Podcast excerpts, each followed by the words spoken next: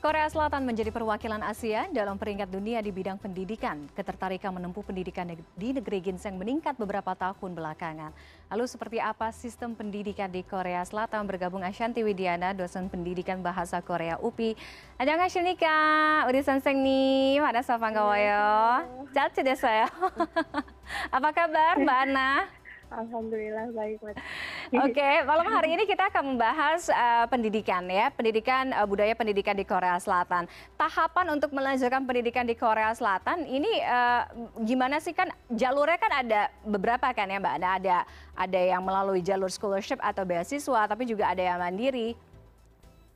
Ya, uh, sebenarnya jalur untuk bisa berkuliah di Korea itu sebenarnya ada banyak ya. Mandiri itu pasti gitu bagi yang uh, ingin berkuliah di sana dengan biaya sendiri. Tapi ada yang uh, melalui beasiswa yang sangat terkenal yaitu yang sudah disebutkan GKS atau yang dulu disebut dengan Korean Government Scholarship atau KGSP gitu.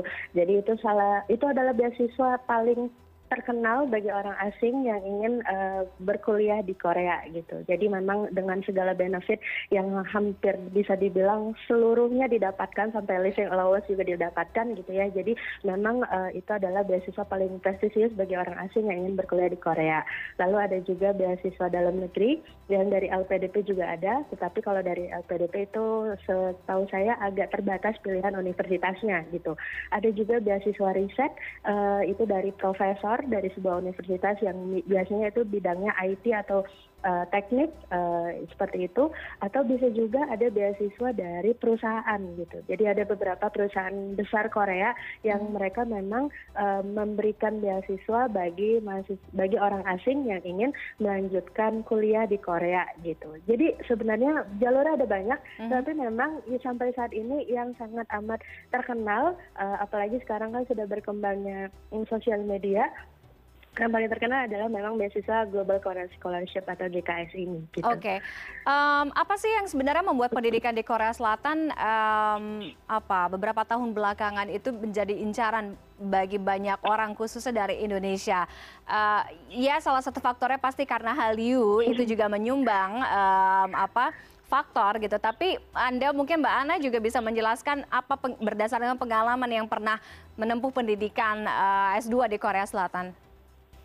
Uh, ya sebenarnya pasti memang karena budaya Hallyu itu Korean Wave itu sudah menjadi daya tarik uh, utama begitu. Tapi di samping itu juga karena uh, jika ingin mempelajari budaya Korea secara akademis dan juga bahasa Korea secara benar-benar full akademis gitu, tempat tidak ada tempat lain yang bisa kita datangi selain Korea gitu. Di samping itu juga kan memang beasiswanya tadi GKS itu menjanjikan begitu banyak benefit gitu dan uh, tiap tahunnya untuk kuota Indonesia biasanya selalu ditambah gitu. Jadi waktu pengalaman saya itu di tahun 2016 itu kuotanya hanya sekitar 23 orang.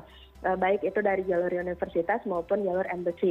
Tapi sekarang setahu saya itu sudah lumayan banyak gitu kan dan sudah berkali-kali lipat bertambahnya begitu. Hmm. Dan juga selain itu ada juga uh, karena memang uh, seperti bidang IT, engineering, uh, natural science itu kan berkembang sangat pesat di sana. Jadi banyak profesor-profesor di sana yang memiliki lab dan mereka mendapatkan hibah penelitian yang juga cukup besar. Akhirnya merekrut orang-orang uh, asing termasuk orang Indonesia di sana sana gitu. Oke, uh, sebenarnya apakah budaya Korea Selatan ini memang menekankan pada prestasi akademis Mbak Ana? Uh, mungkin yang menonton salah satu drakor ada Grandmothers Club ya, ibu-ibu sekumpulan ibu-ibu yang ambisius banget meningkatkan kemampuan akademis anaknya karena memang pada dasarnya tuh sistem pendidikan di um, Korea Selatan tuh katanya memang kompetitif. Apakah memang itu yang terjadi sebenarnya?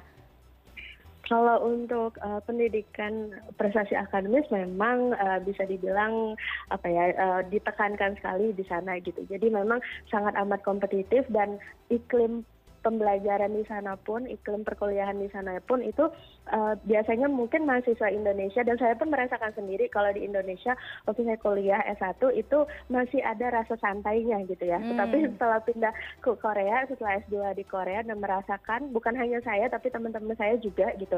Mereka bilang bahwa mau tidak mau memang akan ada masanya ketika kuliah di Korea itu merasa harus sangat amat kompetitif gitu dan hmm. harus sangat amat berusaha sekuat tenaga seperti uh, orang Korea jadi kayak do like Korean people do gitu jadi hmm. um, misalnya ya contohnya kuliah uh, pas lagi UTS atau pas lagi UAS gitu. Biasanya orang uh, mahasiswa di sana itu akan uh, ada yang tinggal di perpustakaan sampai 24 jam. Kerjaannya ngapain? Belajar aja di sana gitu. Selama 24 jam. Mereka kadang kan mereka nggak pulang mereka hanya paling mandi juga di sana uh, di perpus makan juga cuma sebentar terus itu balik lagi ke perpus dan hal itu banyak terjadi gitu dan jadinya mahasiswa mahasiswa asing pun banyak yang akhirnya mengikuti flow seperti itu gitu okay. jadi mau tidak malu memang memang akhirnya keikut gitu jadi iklim akademisnya kompetitifnya kompetisinya itu sangat tinggi gitu. oke okay. termasuk apakah budaya yang berikut ini juga um, uh, common di Korea Selatan seseorang yang lulus dari universitas prestisius itu menjadi penanda status sosial di sana kalau kita bilang penanda status sosial banget secara di labelin mungkin tidak ya mbak. Tapi uh, memang akan ada uh, perasaan atau feel bahwa kalau misalnya lulus dari universitas uh, besar atau Sky ya disebutnya dari Sky gitu Seoul, Seoul uh, National University, Korea University dan Yonsei University kalau misalnya lulusan dari salah satu universitas tersebut akan dipandang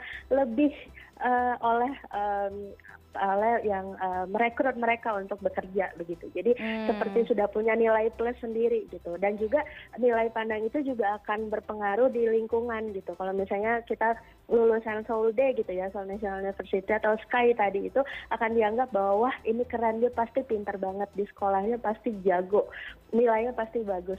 Stereotip itu pasti akan selalu menempel bagi mereka yang lulus dari tiga universitas tersebut begitu. Oke, nah sistem pendidikan yang sangat ketat di Korea Selatan dan um, apa culture budaya yang ambisius ini sebenarnya berdampak apa sih pada masalah sosial uh, di sana? Sebenarnya kalau untuk masyarakat Korea aslinya sendiri begitu ya karena kan kompetitif sekali gitu untuk bisa masuk ke universitas apalagi ke yang Sky tadi itu benar-benar um, tingkat kompetisinya sang, sangat tinggi hmm. gitu jadi bisa dibilang uh, sampai sekarang tuh ada istilah seperti tiger mom gitu ya tiger mom itu bagi ibu-ibu yang mereka sangat ambisius untuk memasukkan anaknya ke universitas yang Sky tadi atau setidaknya oh. universitas yang ada di Seoul gitu. Jadi benar-benar gimana caranya anaknya nilainya selalu stabil di angka 90, 190, 100 atau A A A terus gitu. Dan juga ada fenomena cram school gitu ya. Fenomena cram school itu jadi kayak kalau mungkin di Indonesia kayak bimbel gitu. Mm. Tapi kalau di sana bimbelnya lebih lebih lebih lebih lagi karena anak-anak sekolah itu biasa kan pulangnya sekitar uh, sore tapi habis itu ada tambahan lagi di sekolahnya. Setelah itu les lagi sampai jam 11 sampai jam 12 malam gitu. Jadi uh, kebiasaan-kebiasaan seperti itu tuh sampai sekarang masih terjadi di, di di Korea. Dan dunia internasional itu sebenarnya melihat itu sebagai hal yang mengkhawatirkan. Tapi bagi masyarakat Korea itu hal yang uh, udah umum gitu ya sudah okay. umum terjadi begitu. Nah, uh, Mbak Ana, minat untuk belajar uh, budaya Korea Selatan itu kan semakin besar beberapa tahun belakangan.